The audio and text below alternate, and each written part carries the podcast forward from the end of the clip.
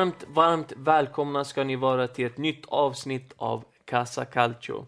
I det förra avsnittet snackade vi upp Coppa Italia lite grann och idag kommer vi dyka in i Eh, Serie A och eh, återstarten av den, eh, våran eh, fantastiska liga i eh, Italien. Det här är ett program som kommer omfatta allt om den italienska fotbollen och vår kärlek för den. För er där ute, var gärna med och bidra och säg vad ni tycker. Vi är öppna för alla idéer. Det här programmet är fortfarande i startstadiet, så det är bara att hojta till om ni har några idéer.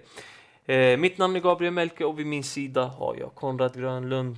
Allt bra? Det är bra, det bra. Hur det själv? Det är bara bra. Varmt välkommen ska du vara. Tack så mycket. Eh, ska bli skönt att få snacka upp ligan eh, igen efter den här perioden. Eh, vad har du gjort under coronatiderna? Usch, ja det har varit tufft alltså. Ja. Det har det. Eh, För mig är fotbollen så viktig. eh, En del av vardagen och man är van vid att sommarna är utan fotboll men det räcker liksom Vi skulle ju förvisso få ha ett EM, men eh, nu blir det istället klubblagsfotboll. Jag såg att du slängde ut en tweet om att eh, du är glad över att det blir klubblagsfotboll och inte EM. Ja, Eh, det är, jag inte, det är jag nog eh, ganska ensam om kanske. ja. Men, men jag upplever ju, jag har alltid tyckt att den riktiga fotbollen är klubblagsfotbollen. Eh, Jag håller givetvis på Sverige och jag har en tumme för Italien också liksom så. Men, eh, alltså jag menar, för mig är den riktiga fotbollen är den vi spelar varje helg Mm. som utgår ifrån träningen varje dag där lagen byggs över en period och eh, de känner varandra väldigt väl och du förstår jag menar den här Ja. gemenskapen och även det här med supportrarna kring och städernas liksom lag och allt det här som gör att fotbollen blir speciell. Mm. Jag tycker landslaget har inte riktigt den dimensionen även om man kan ju säga att liksom en hel nation ställer sig bakom ett lag så men eh, Jag tror att det finns en skärm i båda. Eh, Det finns en skärm i landslagsfotbollen, men det, vi konsumerar så mycket eh, klubblagsfotboll dagligen eh, över säsongerna. Så I grund och botten så handlar ju fotbollen om klu- klubblagsfotbollen, Eh, känner jag också. Så någonstans kände jag, mig, kände jag igen mig i din tweet och eh, håller med dig till viss del. Även om jag, hade, jag gärna hade velat se ett EM i sommar. Speciellt med ett starkt Sverige, ett spännande Sverige. Eh, annars så är det, har det varit mycket eh, fotboll nu i återstarten för dig? Eh, eller har det varit eh, att längta efter Serie A? Ja, nej men absolut. Jag har ju eh, skrivit lite artiklar om eh, Bundesliga på Svenska fans.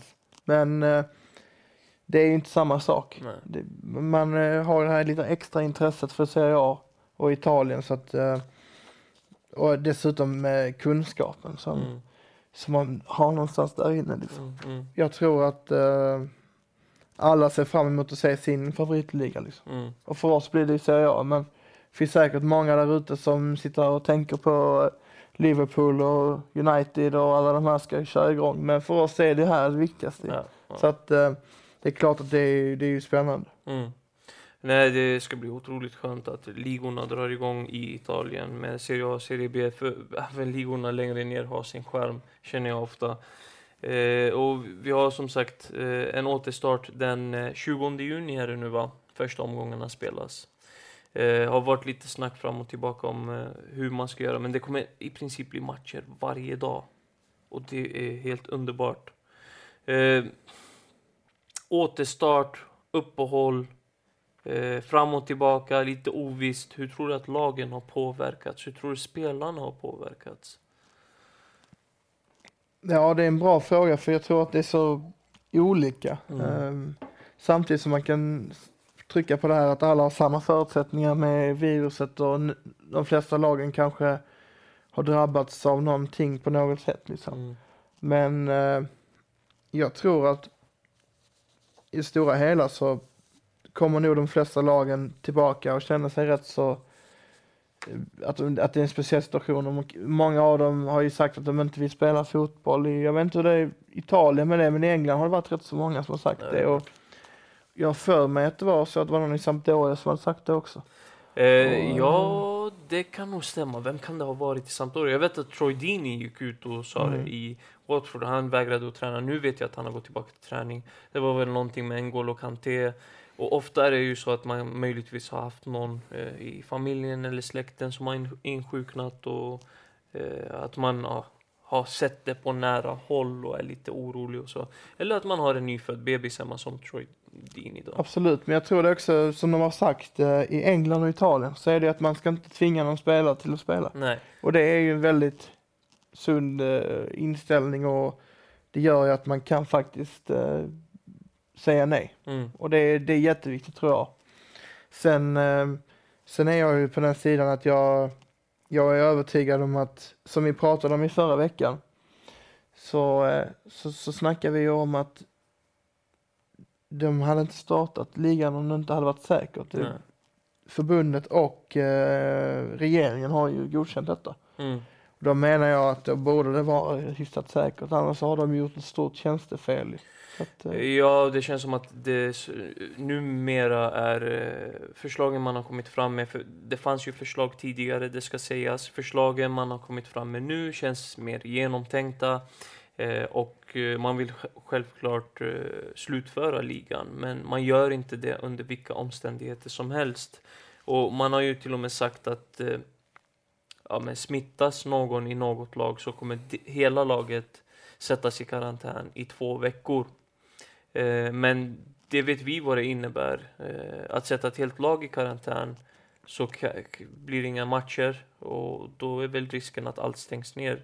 Det, så spekulerar jag i alla fall. Att eh, skulle någon eh, bli smittad, då kommer allt släckas ner en gång för alla. Ja, och det är ju tyvärr eh, den bistra verkligheten vi är just nu, att man, man vet inte vad som kommer hända. Mm. De har ju eh, presenterat vissa förslag på hur man kan göra, men med slutspel och med algoritmer och så, så har de sagt att de inte ska använda algoritmer och så har de sagt att de ska det, så jag vet inte. Men, eh, Som det brukar vara Ja, i exakt, Italien. och det Otydligt. och algoritmen i alla fall, det kan vi ju prata om lite snabbt, det var ju att eh, eh, det kunde man bara använda ifall det spelades tre omgångar till, Mm. minst. Mm. För då kunde man räkna ut eh, ett samband. Detta har jag också skrivit om på Svenska fans, jag får göra lite reklam här nu. Ja, absolut. Eh, eh, för att jag kan inte redogöra för alla variablerna i huvudet, men det var ju det här med eh, mål, per, mål gjorda per spelad match och Ja. poängantalet och poängantalet på hemmaplan och poängantalet på Var, bortaplan. var hittar man artikeln? Eh, Var på på Svenska it- fans? Italiensidan, Ja. eh, La Curva.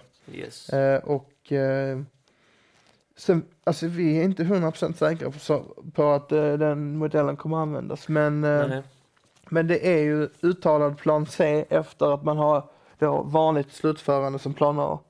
Plan B då ett slutspel och detta någon form av eh, tredje alternativ. Mm. Men eh, vad vet vi? Det är Alltså, omöjligt det är att förutse någonting, speciellt när man får nyheter dagligen om eh, vad som gäller. Eh, det kan ändras eh, på sekunden känns det som. Och det är en återstart, man ska ta det för vad det är. Det har varit en pandemi, det är en pandemi. För eh, ingenting är löst än. Eh, det finns fortfarande folk sjuka, det är fortfarande folk som insjuknar. Eh, men jag tror att skulle det vara så att någon insjuknar i något lag så blir jag inte förvånad om man mörkar det.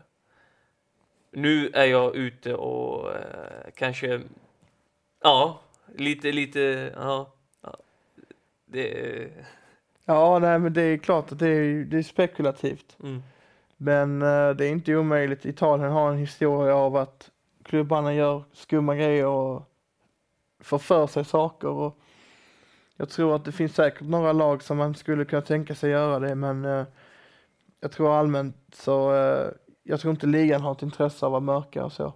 Med Nej, men frågan är om klubbarna mörkar, tänker jag. Jag menar, nu är jag och, möjligtvis ute på hal is och är lite eh, oförsiktig i det jag säger, men låt säga att Lazio åker på en, eh, en insjuknad, eller en spelare som blir sjuk och de tar eh, ledningen i ligan. Då tror jag eller det, det, det är inte så att jag tror det, men det kan väl hända att man mörkar det, tänker jag. För man har ett överläge. Man har en chans att kamma hem en scudetto, en efterlängtad titel som man inte har, eh, ja, ja, en titel som man inte har fått in på väldigt, väldigt, väldigt eh, länge och så. Det har väl definitivt en betydelse. Ja, nej men absolut. Eh, det, det, det kan ju hända, men eh, jag tror att de kommer göra det så pass svårt för klubbarna att ljuga som möjligt genom att ha kontroller från ligans sida. Så. Mm. Men, eh, Jag tror jag läste någonstans Mm. förresten att det här med uppladdning och så, att det var förbjudet med eh, träningsmatcher inför eh, återstarten i La Liga så hade La Liga skickat ut någon eh, ja, hemliga agenter eller vad man ska säga till klubbarna eh, eller på, på träningsanläggningarna under träningstid så då var klubbarna tvungna att ange vilken tid eh, och vilken dag man tränar så att den här scouten eller spionen eller vad man ska kalla det finns på plats och eh, kan amen, så att det sker under kontrollerade omständigheter. Det kommer nog möjligtvis finnas i eh, Serie A också, men chansen finns att man mörkar. Men man ska inte utgå från att det sker. Nej, exakt. Jag tror att eh, det är ändå så pass hög nivå och eh, Italien har ändå en historia av att uppleva skumma. Så jag tror ändå man har en väldigt stor prestige i att inte eh, ägna sig åt massa konstiga grejer då. Ja, det är möjligt. För att, eh, men jag tror att man vill nog tvätta bort en stämpel. Speciellt Juventus och även de andra stora klubbarna, men framförallt Juventus. Mm, mm. Ja, nej, men det, det återstår att se. Sen eh, var det väl några bottenklubbar i Premier League som gick ut och inte ville spela färdigt ligan. Eh, och det, det ser ju också sitt. Var det inte Brescia som var ute och Ja, eh, Chiellino, Mhm. ja. Om, om, de är väl klara ner, skulle jag... Eh, Mer eller mindre. Det är Ja. också spall kan man ju säga. De har ju 18 poäng var och det är 12 matcher kvar. ja, 16 på eh, Brescia där och så har vi 18 Ja, på, 16 var det ja, precis. på Det var Men, ännu värre. ja, men, men det säger ju sitt att det är väl en självklarhet att Celino inte vill spela färdigt den här ligan och annullera den för att få ytterligare en säsong. Nej, exakt, man får, ju, man får ju greppa efter några halmstrån. Ja, det ju, Och sen får man ta Watford Celino ville väl också det tror jag i England. Ja. Han är ju som han är, den gode Celino. Eh, vilka tror du gynnas av den här återstarten? Jag menar, vi har lag i botten, vi har lag i mitten i ingenmansland, vi har lag i toppen. Eh, lag som slåss om scudetton, lag som slåss om Champions League-platserna. Hur ska lag som inte har någonting att spela för finna motivation överhuvudtaget?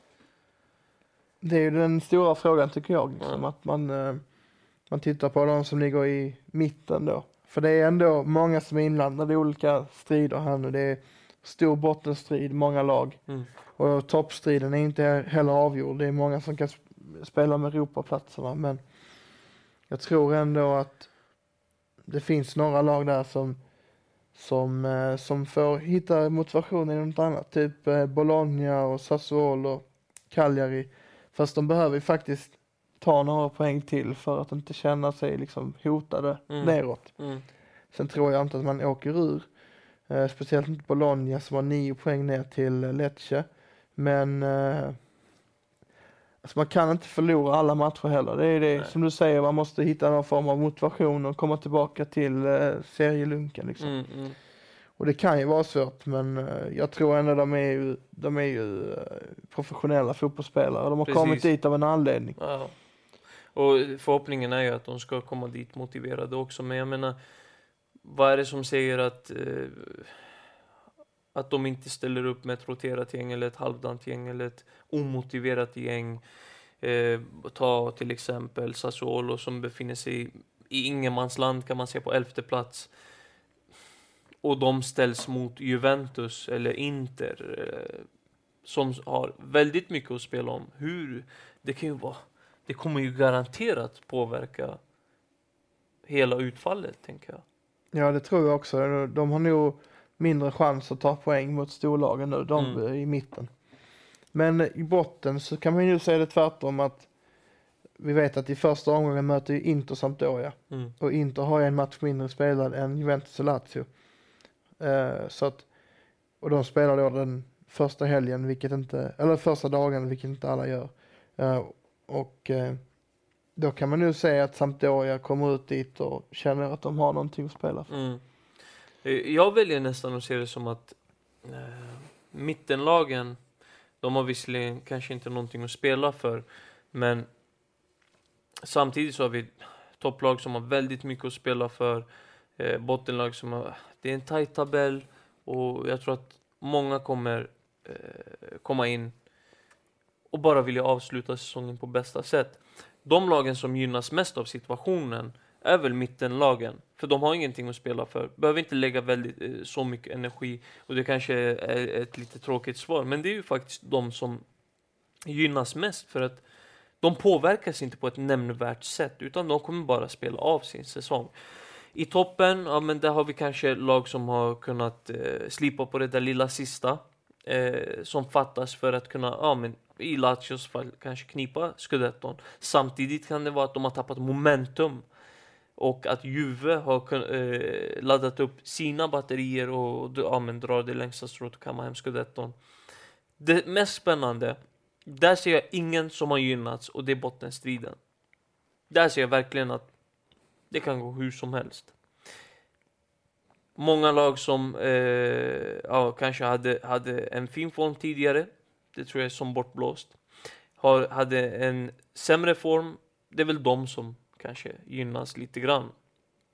För att man eh, får chans att ja, men glömma i princip. Så gynnas och missgynnas, det är väldigt svårt att säga. Jag tror att de som eh, eh kommit in med sämst form, de har gynnats. Eh, och lagen som inte har något att spela för såklart. Nej, eh, så är det nog, men eh, jag tror du har rätt i stora hela. Men jag tror ändå att eh, på ett sätt att om du kollar på Udinese som de har ju några poäng ner, men eh, tre poäng ner till eh, Lecce. Mm. Och de har också ett antal lag emellan dem och Lecce, på, som, Lecce som då för tydlighetens skull ligger på 18 plats Mm. eh, som är sista nedflytt, eller eh, högsta nedflyttningsplats. Nej. Och eh, då kan man ju undra vad, hur har Udinese planerat för säsongens slut? För de vill ju inte åka ner, de har ju en alldeles för bra lag för Ja, det. det och jag också. eh, Torino också som ligger bakom. Och, Det det där blir man ändå förvånad att Torino ligger så långt ner. mm. Det pratade vi om innan sändning också, att det tänker man inte på, men de är, vad är det, eh, två poäng ifrån nedflyttning? Ja, och eh, får ligger på 15 plats vilket är en stor... Eh, en Visserligen är en match mindre spelad också, ska sägas. Ja, men det är ändå, skulle man vinna den så skulle man ändå vara, ja då skulle man i och för sig kunna, då ligger man ju på 14 plats, det är inte Ja, bra det heller. Jag, ja. jag tippade ju Torino på 8 9 plats tror jag. Mm. För att det är ju svårt att veta liksom mellan allt från Verona till Genoa var, var alla, alla de här lagen ska hamna. Mm. Mm. De tre som åker ur, det är väl kanske inga skrällar. Nej. Brescia lite grann, för de har en bra trupp. Ja. Men eh, för mig var det självklart att Lecce Spal skulle vara där nere. Eh, Sen så var det ett av de bra, eller bra lagen, men ett av de mest meriterade Serie A-lagen, typ eh, Sampdoria och, och, Genoa som har väldigt mycket erfarenhet av Serie A, att de faktiskt låg riktigt illa eh, till. Mm. Och Cagliari också tänkte jag på försäsongen. Mm. Sen så ändrade jag ju mitt tips i slutet till att de skulle komma 10 tror jag, för att jag bara fick en magkänsla av att det Mm. går nog bra ändå. Ja. Så nu ja. vet vi inte med Cagliari om de kommer komma 10 eller om de kommer komma 15 plats. Men Ja. de är i alla fall ganska säkra från nedflyttningen. Ja, det tror jag också. Men vilken fantastisk höst de hade i alla fall i början där. Men sen så bara, har det Ja, bara det var helt otroligt. dalat. alltså. Ja. Det var väl Maran som fick sparken också. Så, och det ändå helt otroligt hur man kan ha sån medvind och att det vänder så pass att man helt plötsligt tappar flera placeringar och så. Men det är väl skärmen i fotbollen också. Man var ju fyra tag i Italien Ja, och eh, det var ju länge i höst som jag tänkte att ja, men de här kommer ju att eh, sluta på en Europa League-plats. mm. För Napoli och Milan var ju eh, ner och simmade med fiskarna. ja. Och, men, eh, Och- det, det var inte bara att de plockade sina poäng, jag tyckte att de imponerade spelmässigt också. Absolut. Jättefin offensiv. Eh, men sen så bara avtog det. Vad, vad har man gjort? Man har ju gjort en massa mål också eh, i Cagliari. Ja, det är ju Joao Pedro, Ah. anfallaren som är, eh, Ja, det är helt otroligt. Det är typiskt Serie A också. Mm, Det kommer alltid en anfallare varje säsong, mm, från ingenstans. mm, Eller, han har varit med innan, men alltså rent så formmässigt, att kunna göra så många mål. mm. Vad är det, 14? Jag tror att han ligger på 14. där- 14, där 15. omkring. Och eh, det ska inte gå att man gör en sån uppryckning. Nej. Alltså det är, eller det är charmigt men, men det, det säger emot det mesta logiken. Mm. Nej, jag håller med. Eh, vi har i år ska, har vi också fem, eller i år, efter i återstarten har vi fem byten. Eh, vad kommer det betyda för klubbarna? Är det rätt beslut att införa fem byten? Det lät ju roligt när det kom upp, eh, det var ju Sassuolos tränare De Serbi som, Mm. som pratade om det. Mm. Och han fick väl mo- motta en massa kritik? Exakt, han fick väl en massa klagomål. Eh, Det var väl folk som tyckte att, eh, att det, var, det var inte riktig fotboll och så. Mm. Som jag kommer ihåg det. Jag, jag, jag kan känna att jag var inne på samma spår där. Kritiserade honom, tyckte att han var ute och cykla. eh, att man ska gå in och ändra sporten och ändra reglerna, det tyckte jag var helt obegripligt vid första anblick vi så. Men sen när jag fick lite tid att fundera på det så var det ju, alltså, det är väl i princip, det är en självklarhet ser jag, ser jag det med som nu.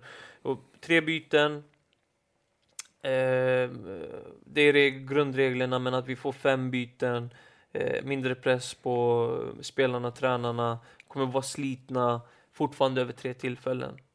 Eh, så jag, jag tycker att det är väldigt bra, men tror att det kommer gynna vissa klubbar mer än andra, att det är just fem byten eh, snarare än tre. Det är faktiskt svårt att svara på tycker jag. För att man kan ju tänka på att Juventus har en otrolig trupp till exempel. Och att de har fem spelare på bänken som kan komma in och göra Mm. skillnad. Mm. Men eh, man kan också se det som att eh, bottenlagen har en extra chans att göra någon form av taktisk ändring om det behövs. Mm. Eh, för att de har inte dåliga trupper de heller. De har ju några spelare som de kan slänga in. Ja. Jag tycker ju att Spall är den enda truppen som är riktigt dålig. Eh, Lecce också kanske. Ja. Brescia har ju ett lag som jag, jag tippade om 16-17 eller något sånt. Eh, Det kanske inte låter övertygande men Nej. jag känner att de har ändå de här, att de har några extra poäng i sig jämfört med Lecce och Spall. Mm. Men då tipp, tippade jag istället att Verona skulle åka ur och det, det ser vi De att det, det lär inte hända liksom. Nej, Det är, de ligger åtta. Eh, De har im- imponerat Det enormt. skäms jag över nu, men, Ja. men det är svårt att veta på förhand. Nu ser man ju att Verona spelar i Rixi från alla håll. Ja. Kumbulla och, eh, och gänget liksom. Så att, eh, Vi vet eh, att den tabellplaceringen glädjer vår gode vän Johan. ja, exakt. Men samtidigt så kommer de, som du säger, tappa spelare. Och det, det är så synd med de här lite mindre lagen. Eh, Kumbulla och sådana spelare. Att, man, att Verona behöver tappa dem. Det är ofta så. Jag minns att när Southampton gjorde en bra säsong i eh, Premier League. Sönderköpta. Hur kommer Verona se ut nästa säsong? Det, det kommer, de kommer ju garanterat inte vara ett topp 10-lag. Enligt mig. Det är svårt att se. Mm. Eh, och eh, jag glömde nämna Amrabat Mm. som eh, kanske var allra främsta spelaren den här säsongen. Mm. Men Var inte han, han har väl gått över till, han har skrivit på för Napoli men ansluter efter säsongen. Ja, det, det sägs ju så. Eh, Det är ingenting officiellt uttalat ännu. Det är en affär som gick på 30 miljoner euro. Mm, ja exakt och det är ju en väldigt bra värvning. Mm. Det, vi kan säga så här att om den inte är officiell så kommer den bli det. Tror du det? Alltså, Med tanke på situationen. ja jag tror det. För att jag, alltså, man ser ju, man, man har följt den sagan väldigt länge nu. Ja. Jag, det har inte heller slutat skriva om det väl. Så att, eh, Jag tror att eh, finns det inte eh, en signatur eh, nedkladdad på ett eh, papper så är risken att den eh, affären uteblir. Åtminstone inte till den summan. Eh, 30 miljoner eh, från Napolis sida till eh, Hellas Verona. Det, det, det, det ser jag inte hända med tanke på marknadsläget just nu. Om inte det finns en kråka på ett papper. Nej, exakt. Och det kan ju också vara det här att eh, Hellas kanske inser att de behöver gå ner några miljoner. Exakt. Eh, för att Napoli ser ju inte ut att sälja som man kanske gjorde i början. Nej. Eh, jag trodde i januari att de skulle sälja hur många spelare som helst för att Ja. det var kaos. Mm. Och eh, Mertens skulle lämna och eh, Kajushon ska lämna. Det, det tror jag i kommer hända ändå. Mm. Men Mertens ser ut att bli kvar. Mm. Och eh, vi får se hur det blir med Fabian Ruiz som har ryktats om lite grann. Och Real Madrid och lite sådana han hade destinationer. kanske förtjänat det för att han är, han är en av de som ändå har presterat helt okej. Ja, han har varit ruskigt duktig. Poängspelare, fina fötter och så hade väl passat. Han, han är väl förtjänt av en större klubb. Eh, Så det, det... Ja, så länge inte Napoli är topp fyra så absolut. Hade de varit med och slagit som titeln så hade jag ändå tyckt att ja, men då, då är han där han Rimligt. ska vara. Liksom. Ja, ja det, det svårt att säga det där, för sett till de klubbarna som har jagat honom nu, det, det har väl nämnts som Liverpool, det har nämnts som Real Madrid, och det måste man ändå säga är ett klart högre steg än Napoli. Och jag har... Om han är där? Nej, det tycker jag inte. Inte ännu i alla fall. Eh, sen om han hade presterat i en större, eh, med, med bättre medspelare, presterat ännu bättre, det, det kan man inte säga. Det, det är omöjligt att veta först man har sett honom i de kläderna med de, den omgivningen. Eh, men Scudetto-striden då? Vi har eh, Inter är inte med och slåss där längre. Eh, de var länge med och kampen såg snarare ut att vara mellan Juventus och Inter än Juventus och Lazio. Men nu är fallet Juventus-Lazio. Vem drar det längsta strået? Eh, det skiljer en poäng mellan dem. Eh, och eh, de ser inte ut att vika ner sig. Nej exakt och de möts ju om en månad den eh, 20 juli. Ja. Så att, eh, och då hinner man spela några matcher däremellan. Men jag vet inte, alltså det är så svårt att säga. Mm. Jag hoppas ju på Lazio. Mm. För att eh, Alltså jag kan ju tycka att Juventus har förtjänat många av titlarna man har vunnit senaste åren. Mm. Men det året då Napoli var med hela vägen. Om det var två år sedan var det Mm. väl. Mm. Då tyckte jag att Napoli var bättre. Och jag kan stå för det. många. Men de andra säsongerna har ju Juventus varit tydligt bättre. Mm. Den här säsongen är de inte det heller. Nej. Det är väldigt jämnt mellan de två. Mm. Lazio vann ganska övertygande mot Juventus hemma. Mm.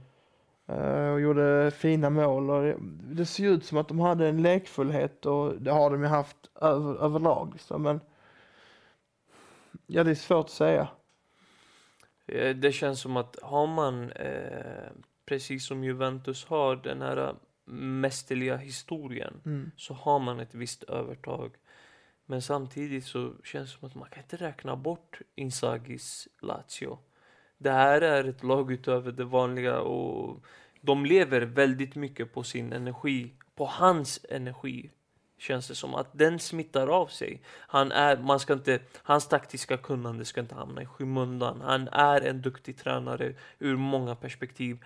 Och troligtvis kommer han få en ännu större klubb i framtiden. Möjligtvis ett randigt, eh, en, ett randigt lag eh, i norr. Men eh, det är mycket den här energin som man ofta ser i Lazio.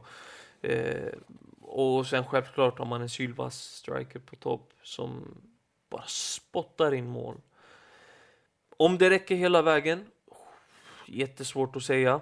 Eh, jag tror att den här kampen kommer leva ända in i sista sekund. kommer bli sjukt spännande att få följa.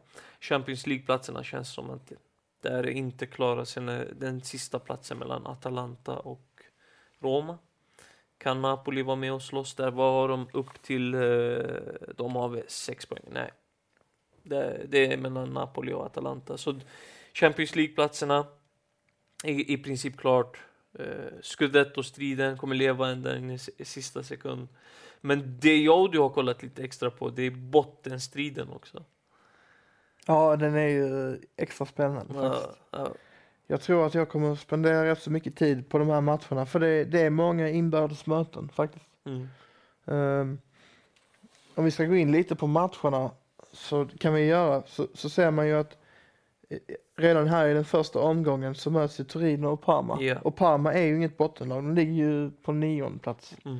Och det är ju väldigt imponerande. Men, men på något sätt så är ju ändå så att Parma är ju inte så pass bra att man kan räkna ut Torino. Nej. Så där får vi se direkt ett bottenlag som behöver poäng. Eh, klarar de att vinna den här matchen? Eh, omöjligt att tippa. Eh, för mig är det liksom en eh, 1-1 match i kvalitet och i, liksom, i färdigheter. Och, I vilja. ja, det, men det vet vi inte riktigt om heller Nej, för det, vi har inte sett dem på länge. Nej, det, det är ju sant, men jag menar att eh, ett Parma som ligger på nionde plats, visst, de är med och slåss om Europa League-platserna. Och det hade betytt ot otroligt mycket för dem, eh, speciellt i sådana här tider, ekonomisk, eh, med, med, gällande ekonomin och så, men jag menar, Parma kvalitetsmässigt är ett bättre lag eh, på pappret. Men motivationsfaktorn gör att det är omöjligt att tippa precis som du säger. Så det ska bli spännande. Jag tror att man måste ge det en, två, tre omgångar innan man eh, börjar ge sig in på djupet och spekulera. Absolut, och det är eh, det du pratar om att, att Parma har ett bättre lag och det, det kan man ju egentligen diskutera för att för grejen är att eh, Parma har ju spelat fantastisk fotboll stundtals. Mm. Och Kulusevski framförallt och Ja, eh, nu vet jag inte om jag uttalar det rätt men Kuska. Eh, Kutjka. Ja, Ja. Kutjka. ja. Eh, han är ju, ja men det, det är ganska svårt namn att, att Ja. uttala. Men, men han är ju fantastisk stundtals. Vi har ju Cornelius, danska anfallaren. Ja. De har ju varit roliga att kolla på. Mm. Eh, så jag menar nog att om du kollar inför säsongen så var inte det, den uppställningen var inte jätteimponerande. Det var ju ett svårt lag att tippa. Medan Turino har ju, har ju ändå Belotti och Sasa och gänget liksom. Ja, Så jag tycker ju Torino i grund och botten de har en minst lika bra trupp egentligen. ja, sett i prestationer är ju, eh, då börjar det väga lite mer och, och Absolut. Så. Ja. För, för Parma har ju en tydligare idé och de spelar bättre fotboll och de vågar spela fotboll på ett annat sätt. Mm, mm. Även mot bra lag. Alltså du såg ju eh, säkert premiären mot Juventus. Mm. Juventus eh, såg inte ut som, som de brukade göra. Nej. Och redan då så märkte man att ja, men det här Parma kommer bli något speciellt. Ja. Eh, även om de har tappat lite grann. De har eh, faktiskt eh, förlorat lite av den här kreativiteten och den här eh, lite ungdomliga liksom, naiviteten. Ja, ja. Och det, har, det känns som att det har varit deras eh, grundbult eh, den här säsongen. Det är det som har varit eh, succén och det är det som har tagit dem långt. Men på tal om Kulusevski.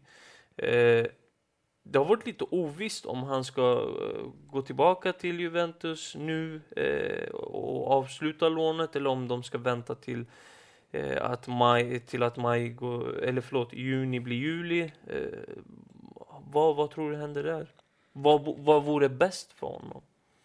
Jag tror det är bäst att stanna. Alltså. Eh, Ytterligare en säsong. Ja men det är också det här att eh, de har ju pratat om att eh, de kanske skulle ta hem honom för resten av säsongen. Mm.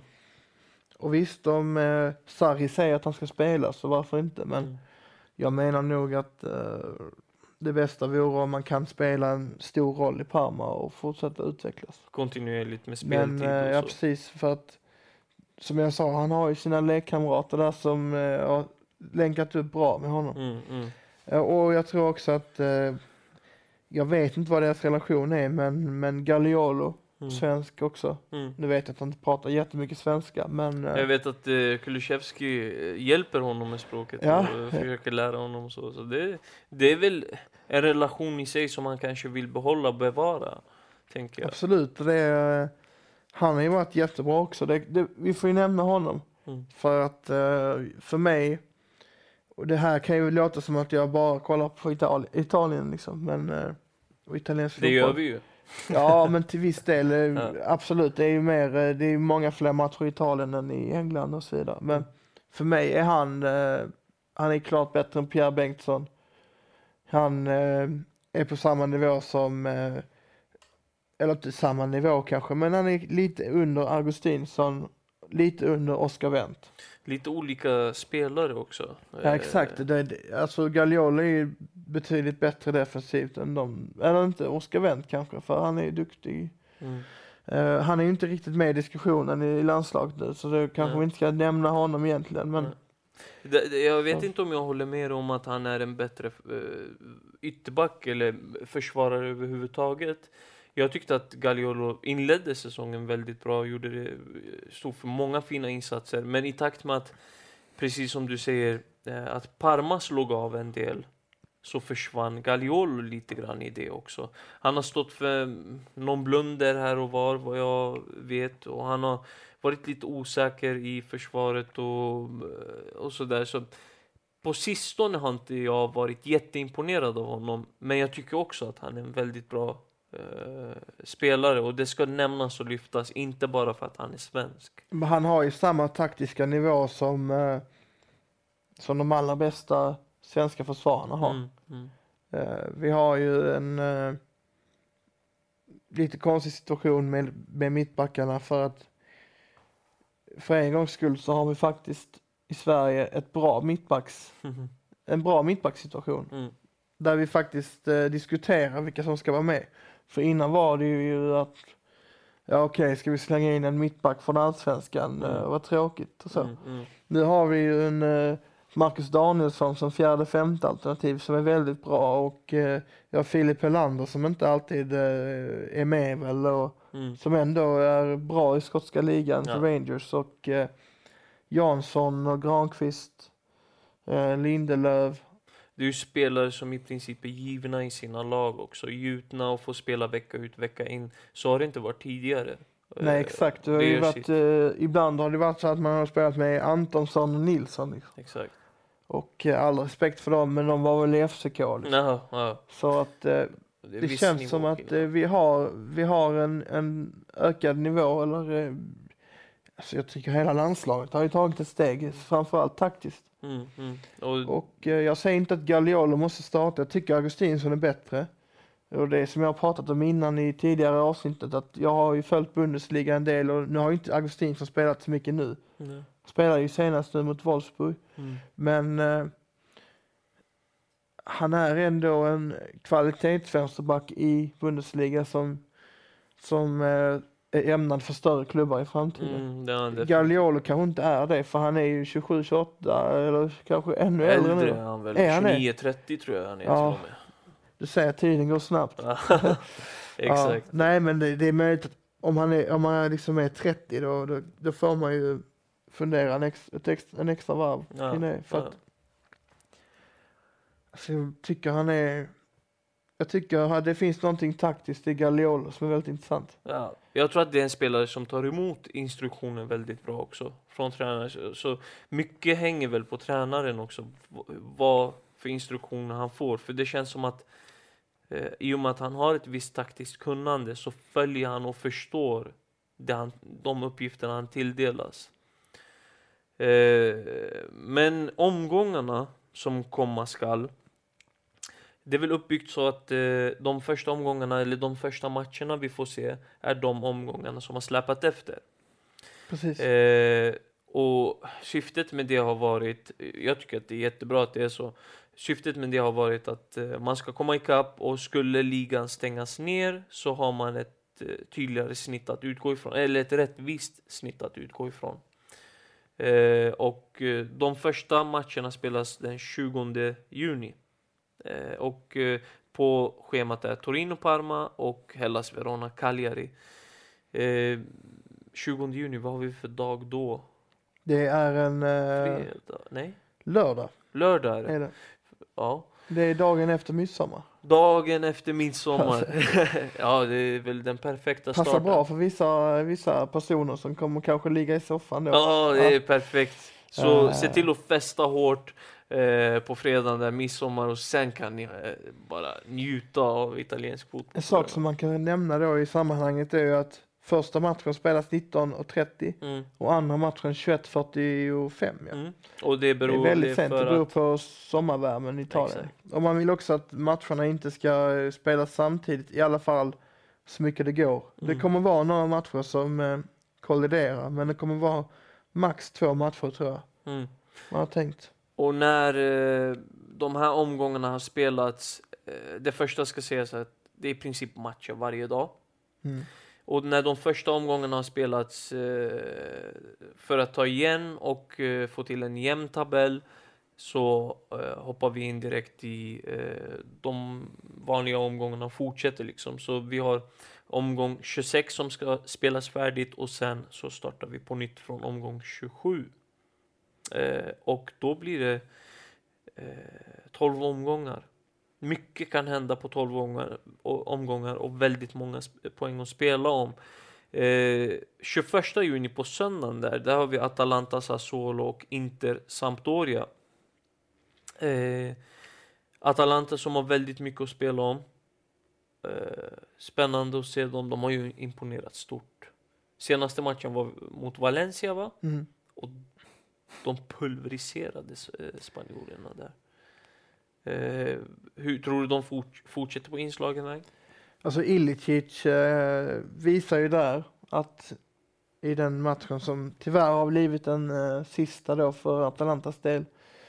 Eh, då visade Ilicic att han har varit en av världens bästa offensiva spelare den här säsongen.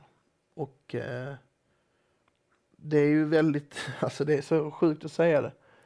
Ja. Vi som har följt Serie A i många år, vi vet om att han har haft många tuffa säsonger. Ja. Han har liksom famlat efter eh, en roll och ett lag att spela i och han har varit i Inter och han har varit i Fiorentina och så vidare. Det har, det har aldrig riktigt klickat. Nej, så man har ju sett honom blixtra till ett flertal Mm. gånger och han har, man har ju sett att han har det i sig för han, hans högsta nivå är otroligt hög. Men sen har han en lägsta nivå som är väldigt, väldigt låg. Och tyvärr tenderar han att, eller tenderade ska sägas, att eh, hamna på den där lägsta nivån väldigt ofta. Vad har han gjort den här säsongen som har gjort att eh, han har hållit sig på en så jämn nivå? Det kan man ju undra för att förra säsongen var ju bra men han var ju kanske inte lika framträdande som Gomes och Zapata. Mm. Men nu är det han som är bäst. Mm. Så vad har då hänt? Ja det är, det är svårt. Tror Alltså- det stavas Gasperini. Ja absolut men det, han, eh, han har ju varit ett tag nu så att, Jag tror att det är att han, eh, alltså Gasperini har fått fler år att bygga på sitt spel och bygga sitt spel väldigt mycket runt och eh, kring Ilicic och hans eh, spetsegenskaper och jag tror det har passat honom väldigt bra. För eh, alltså han har hunnit bli 32 år. Vad är han? 32, 33 till och med. Det är en spelare som om han har haft den kapaciteten så har, det, så har tyvärr, Gasperini är, är den första att få ut eh, allt. Ja absolut, det har ju varit en bortslösad talang nu, när, det kan vi se nu i efterhand i alla fall. Ja. Att, eh, man har ju inte sett honom som en eh, potentiell världsspelare innan. För att Nej. det har ju varit att man har, som du säger, att han har blixtrat till men att det har varit mycket långa perioder där. Mm. Där man inte ser någonting ifrån honom. Mm, Ja, ja. Jag kommer ihåg ett hattrick för Fiorentina på San Siro. Ja. Eh, och, och liksom mot Inter. Eh, och det var, ju, det var ju speciellt för att då, om jag minns det rätt så Inter hade inte förlorat. Mm. Det var några år sedan. Fiorentina, medelmåttig start, det var ju som ingen som förväntade sig att de skulle komma och vinna. Nej. Och så gör han tre mål. Eh, och, och det kan ju hända, det har hänt många spelare, till och med Albin Ekdal på San Siro liksom. Mm. Men, eh, men jag tror ändå att att när man ser sådana insatser så blir man ju besviken om man inte får se det oftare. Och nu har han ju lyckats hitta någon form av nivå som du säger med ett samarbete och med Zapata och Gomez. Väldigt mycket en helhet också. Det är otroligt alltså. Det är den absolut den bästa offensiven i, i Italien. Mm. Alltså jag vet att man kan säga Lazio, de är helt otroliga de också. Mm. Alltså vi har ju Luis Alberto som är den bästa mittfältaren den här säsongen tycker jag. Även om många säger Brozovic Mm. eh, så tycker jag att eh, det är svårt att säga eh, att Brozovic är bättre för att han är ju defensiv mittfältare, han tar inte lika mycket plats. Och man kommer alltid ha ett fokus på mål, assist och det som syns Mm. så att säga. Mm. Så jag skulle säga att, att det är nog de två som är bäst. Mm. Men, men, men Luis Alberto är ytterligare lite bättre. Ja. På tal om mittfältare som har presterat. Jag, häromdagen så bara funderade jag lite över Nainggolan och hans situation i eh, Inter och Cagliari. Han har gjort det riktigt bra, eh, har inte riktigt kommit överens med Inter och så. Vart ser vi en framtid eh, för honom? Blir det en återkomst till Inter? Eller blir han kvar i Cagliari? Det blir spännande att se ju för att eh, och de, de kan vi också säga, de spelar ju också första kvällen. Mm. Efter Torinos match mot Parma Mm. så, så åker de till Verona Ja, och eh, möter överraskningslaget Hellas. ja. Men eh, vi får ju se, Nangolan är ju stark. Mm. Han är ju, det är en urkraft och det är en väldigt speciell spelare. Mm. Den enda av sin typ i världen tycker jag. Ja, han, är, han är unik och har en väldigt speciell spelstil och alltid rolig att titta på. Han gör de här spektakulära målen, spektakulära grejerna på plan och är otroligt tuff. Och sådana spelare gillar jag verkligen. Han är en underbar spelare på Mm. många sätt och han, eh, Unik som karaktär. precis, han är ju Gary Medell pitbull Ja. samtidigt som han är eh, liksom, eh, jag vet inte hur vi ska jämföra med, men han har ju det här extrema höjden i offensiven ibland. Mm. Där man kan se vissa liksom tendenser av att han är helt ostoppbar, att han är stark i, liksom i fysiskt men också att han, han har någonting som när han väl har bestämt sig så drar han framåt och det är Ja. ingen som kan stoppa honom. Som en ångvält liksom. Precis, så det är, jag vet inte vad man kan jämföra med. Nej. Alltså det är väl lite, det är lite, det är lite det som Pogba är känd för. Ja, Så tycker jag inte så här de är jämförbara Nej, så. Men nej. jag menar just den grejen att han kommer fram, han skjuter, han eh, skrämmer försvararna, han eh, där är han ju unik och det Mm. är där är också som med Ilicic lite bortslösad potential. Han är ju ändå 31, 32 nu. ja, och där tror jag att han har lite sig själv att beskylla också. Ja, ja, han har rökt eh, mycket cigaretter och Bland festat och, eh, och han har ju eh, han har ju ställt till det mycket för sig själv. Men nu har han ju faktiskt haft en tuff vår. Han Mm. har ju eh, en, en eh, det har varit mycket, mycket som har mycket rapporter om cancerfall i familjen Exakt. och eh, Ja, det, det är väldigt känsligt och det har varit att han har hamnat i en situation där han har inte kunnat fokusera på fotbollen på Nej. samma sätt och det är, jag tycker väldigt mycket, jag sympatiserar väldigt mycket med honom Mm. för att eh, det är ingenting som någon förtjänar att gå igenom, Nej, att eh, nära och kära eh, drabbas av cancer och liksom man behöver tänka på det. Eh, och vi får se om det har påverkat honom, om han kommer till spel. Jag har inte läst någonting om det. Nej, och Men, eh, ja, men vi, vi vet och vi har sett på flera olika håll hur eh, ja, men diverse händelser kan påverka en spelare på ett personligt plan och i sin tur ute på fotbollsplan också. Återstår att se vart vi har Nainggolan, men jag tror att han kommer hålla en jämn nivå eh, om han nu kommer till spel, precis som du säger. Men efter de släpande omgångarna. Vi har Torino, Parma, Hellas, Verona, Cagliari den 20 juni. Sen har vi Atalanta, Sassuolo, Inter, Sampdoria den 21 juni. Därefter drar vi igång den 27 omgången. Och eh, den 22 juni har vi Lecce, Milan 19.30, Fiorentina, Brescia 19.30 och sen 21.45 har vi eh, Bologna, Juventus. Så det är många lag från norr där. Eh, spännande, eh, väldigt spännande. Lecce hur de tar sig an Milan som eh, ett Milan som slåss om Europa League-plats. Lecce slåss om överlevnad. Eh, ja, det, det, det, det är mycket som kan sägas om deras säsonger och väldigt olika. Men det är omöjligt att förutse hur de här matcherna kommer sluta. Och vad vi får Absolut. se för Det är, det är så mycket olika parametrar. Mm, Som eh, vi glömde ju att prata om Inter Sampdoria mm, på eh, söndagen. Jag tror ju att Inter absolut ska vara favoriter, men Sampdoria, de kommer i en desperat situation. De har fått, de har i och sig varit väldigt turbulent här nu med en corona, eller turbulent, men mm, det har ju varit mycket fokus på deras coronafall. Och, mm. och det är, jag hoppas, där, där har jag inte fått någon information vem som är tillgänglig, vem som Nej. är eh, borta och jag hoppas Alltså jag hoppas verkligen att Sampdoria kan ställa upp sitt bästa lag Mm. och, och kunna fokusera på, eh, på att eh, spela fotboll för att jag vill ju att Sampdoria ska stanna kvar i Serie A. Ja, det är ett sånt klassiskt lag som man gärna vill ha kvar i ligan. Uh, nej, men inte Sampdoria känns som att det inte har ett klart övertag. Man vet inte riktigt var, var, var Sampdoria befinner sig. Uh, Lecce, Milan. Egentligen så på pappret så är ju Milan ett klart Mm. bättre lag som spelar, eh, som drar igång den första 27 omgången. Men det är samma sak där. Milan har varit väldigt ovissa i sina prestationer. Eh, och det är omöjligt att veta var de kommer steppa upp här.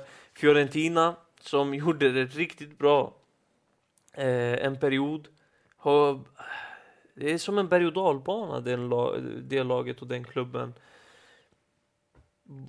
Var, var, var, var ser vi dem avsluta den här säsongen? Nej, det är, det är, det är ju en eh, svår helg att förutspå. Ja. Jag tror att när man har sett första helgen så får man ju ändå se lite tendenser. Ja. Men eh, om man ska liksom plocka ut några matcher här som är intressanta så tycker jag ju framförallt att, eh, att eh, Torino-Parma, första matchen, Mm.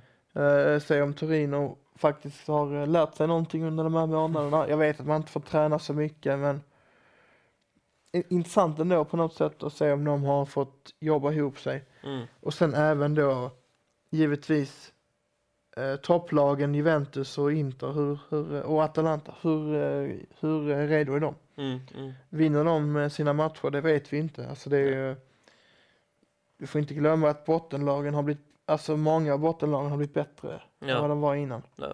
Sampdoria är ett bottenlag men de skulle lika gärna kunna vara mittenlag men det är alltså mitten, övre mitten då. Ja, ja. Så jag menar att eh, ingen, inget av de lagen kommer få det enkelt. Eh, och eh, inte heller Milan som är ett övre halvan-lag, slåss om Europa League-platser. Möter Lecce som eh, är illa ute men som ändå har gjort en överraskande bra säsong. Mm. Inte heller där skulle jag säga att det är självklart. Nej, och jag vill minnas att Lecce antingen de knep åtminstone en poäng. Sen vet jag inte om de, minns inte om de vann matchen, den första matchen mot Milan. Så bara där, eh, det ser väl en del. Eh, många intressanta matcher, precis som du säger. Och i den första omgången, den 27 omgången, har vi Atalanta-Lazio. Och det.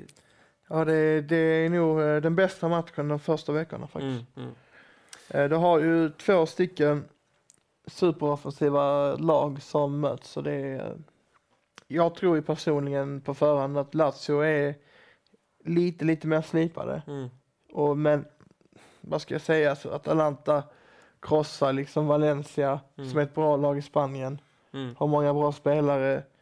Eh, kanske lite taktiskt eh, oslipade. mm, Bortsett, alltså, till skillnad då från Atalanta. mm. Men eh, alltså jag, tror, jag tror att det är en riktig, det är en riktig uh, tuff match för båda lagen. Ja, nej men den ser vi definitivt fram emot. Jag tror att det blir väldigt målrikt, om in, inte annat. Uh, målrikt, svängig match och den ska man definitivt inte missa. Vi kan väl dra hela den omgången som sagt. Vi drog uh, matcherna på där vi har Lecce, Milan, Fiorentina, Brescia, Eh, Bologna, Juventus den 22 juni. Sen har vi den 23 juni Hellas, Verona, Napoli, Spal, Cagliari, Genoa, Parma, Torino, Udinese. 24 juni har vi Inter, Sassuolo, Atalanta, Lazio, Roma, Sampdoria. Så det, det, så ser omgångarna ut. Eh, ett spelschema som är fullspäckat. Ser vi väldigt mycket fram emot. Eh, och som sagt, svårt att veta vilka spelare som finns tillgängliga. Svårt att veta vilka former lagen kommer med. Så det där är bäst att avvakta med. Men vi har en viss Ibrahimovic som är skadad i Milan. Och den eviga sagan om Ibrahimovic vara eller icke vara i Milan och i Italien. Eh, det har ju snackats väldigt mycket om Hammarby. Han är ju delägare där, har varit nere och tränat här i Stockholm. Eh, kommer han bli kvar i Italien? Jag tror inte det faktiskt. Det, det verkar som att Milan har eh, sagt eh, tyst farväl till honom. Mm. Men eh, ja, alltså Milan känns ju kört. Det, det verkar lite som att de är lite besvikna på honom också. Eller det, känns som mellan raderna. Ja. Ja, eh, känslan är ju att han också är besviken och att han hade fått eh, vissa att han hade blivit lovad vissa saker som inte har hållits. Eh, och jag tror att eh, Boban till stor del, eh, att de hade en fin relation och att han till stor del var en av anledningarna till att han överhuvudtaget valde Milan från första början. Och att Boban nu har lämnat, vet inte hur sugen han är på, på att vara kvar. Maldini, blir han kvar, blir han inte kvar? Ragnik har det snackats om. Jag tror att Zlatan har en ansträngd relation till Gazidis också. Så det, det är väldigt ovisst där och jag tror att Gazidis oavsett vad har det sista ordet. Jag vet inte om eh, Maldini eh, ens har något att säga till om. Eh, det är så svårt att säga. Väldigt luddigt kring Milan. Jag tror att eh, Zlatan lämnar och om det blir en fortsatt spelarkarriär i Hammarby, det får vi se. Men eh, att han lämnar Milan, jag tror att den sagan är över. Åtminstone efter de här, efter den här säsongen, efter att det har spelats klart. Absolut och eh, Ralf Rangnick som du har pratat om, han eh, står ju för en helt annan fotboll. Exakt. Och det krävs ju en, en, eh, en, ett annat pressspel, lite snabbare spelare. Och där kanske Leao och eh, Rebic, om han, eh, om han stannar, eh, att de två kommer liksom passa bättre där. Men på tal om Ragnik och att du ändå har lite, en liten inblick och ett intresse för den tyska fotbollen. Tyskland är en helt annan det är en helt annan atmosfär, det är en helt annan fotboll. Hur lätt är det att göra övergången från den eh, från sportsliga ledningen i Tyskland till Italien? Det är en helt annan värld i den italienska fotbollen. Nej, exakt och eh, han kommer ju från eh, både Salzburg och Leipzig, eh, Leipzig och eh, båda lagen är ju framgångssagor. Vad man än tycker om klubben eller om koncernen, Ja. Red Bull, f- man får säga vad man vill. Mm. Men de har byggt metodiskt med unga spelare, billiga spelare, väldigt smarta värvningar. Det säger en del kanske att Josef Poulsen, dansken, anfallaren, han är alltså Leipzigs eh, mesta spelare genom tiderna. Mm. Gjort flest matcher. Ja. Eh, säger någonting om deras värvningsstrategi. Mm. Eh, de har tagit in, om vi ska då prata om Ragnik, hur han är lite grann. Danny Olmo, han spelar typ väldigt så teknisk, eh, bra passningsspelare, eh, har ett offensivt öga. Och det är det vi kommer få se i Milan i så fall, att de går från det här eh, lite luddiga som Pioli har. Alltså det är ju Mm. dels en, eh, han vill ju ha en väldigt stabil defensiv. Mm. Men han har en ganska, och det, den är bra, defensiven tycker jag. Alltså i alla fall i uppställningen, i hur man liksom disponerar sitt lag.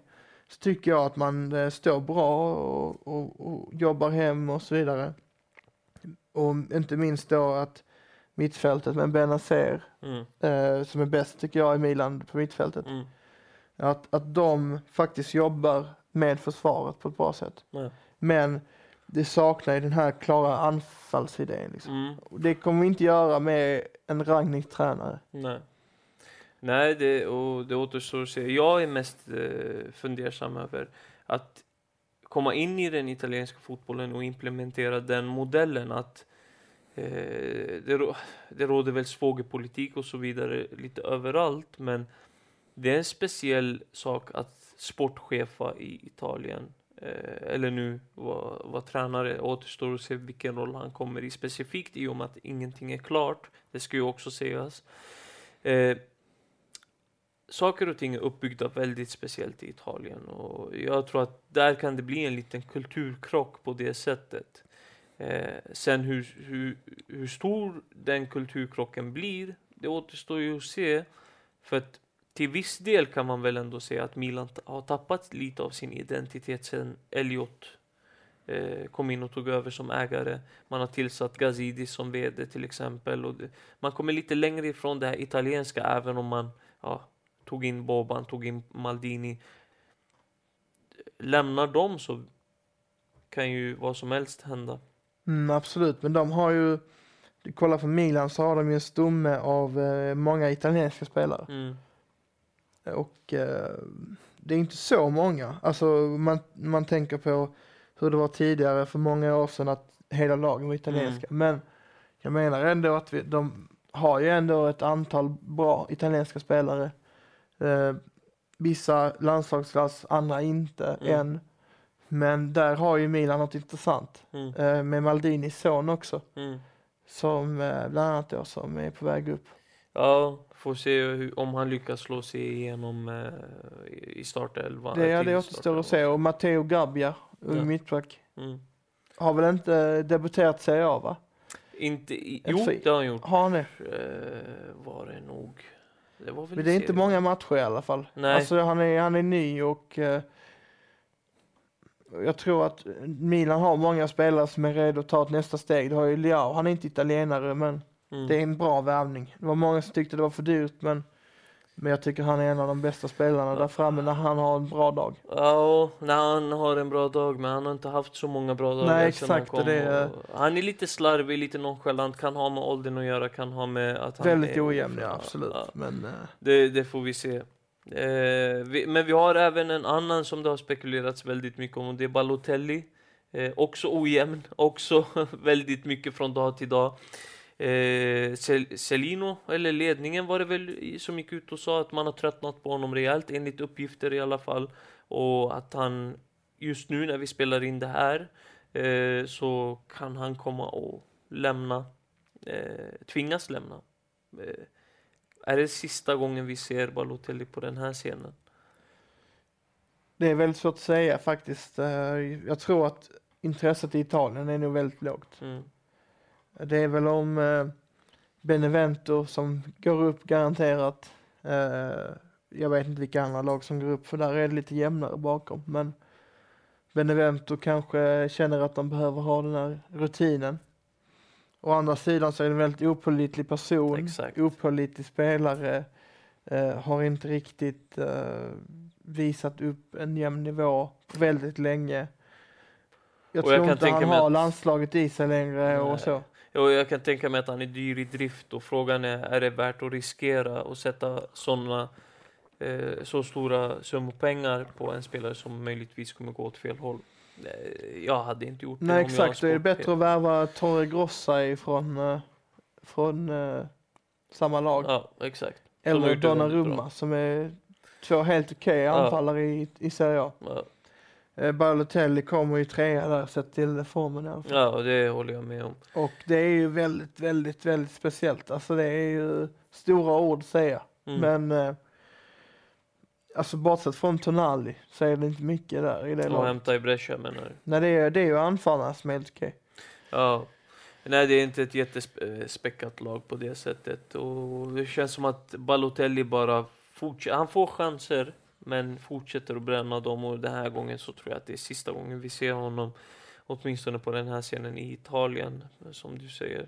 Får se hur det blir med honom och hans karriär. Eh, det ska bli skönt att Italien och Serie A, dra- eh, Serie A drar igång. Vi har många matcher att se fram emot. Vi har eh, många program att spela in. Och eh, mycket att att gotta ner oss i. Eh, innan vi avslutar så tänker jag, har du något mer att tillägga här? Idag?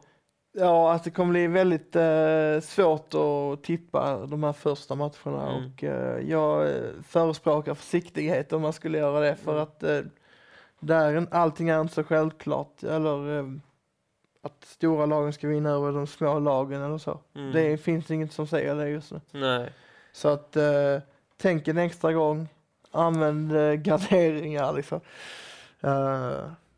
Nej, men jag håller med dig. Och istället eh, så avvakta, njut av fotbollen, för det kommer vi göra. Och det är bara rent ut sagt skönt att fotbollen är tillbaka. Nu kan vi nästan åtminstone gå tillbaka till vardagen och få njuta av Il Calcio igen. Eh, skriv gärna till oss, hör av er och kom med idéer, kom med förslag. Vi är öppna för att eh, uppgradera den här panelen. Vi är öppna för att uppgradera våra eh, tankegångar. Förhoppningsvis och troligtvis kommer vi bli fler här i panelen med större och mer omfattande program. Eh, kanske fler avsnitt i veckan, men nu kör vi på ett avsnitt i veckan och så drar vi igång med ett till nästa vecka. Troligtvis livesänt. Eh, med det säger vi tack för oss. Eh, från mig, Gabriel Melke och eh, från Konrad Grönlund här. Eh, så ses vi nästa gång. Ha det bäst.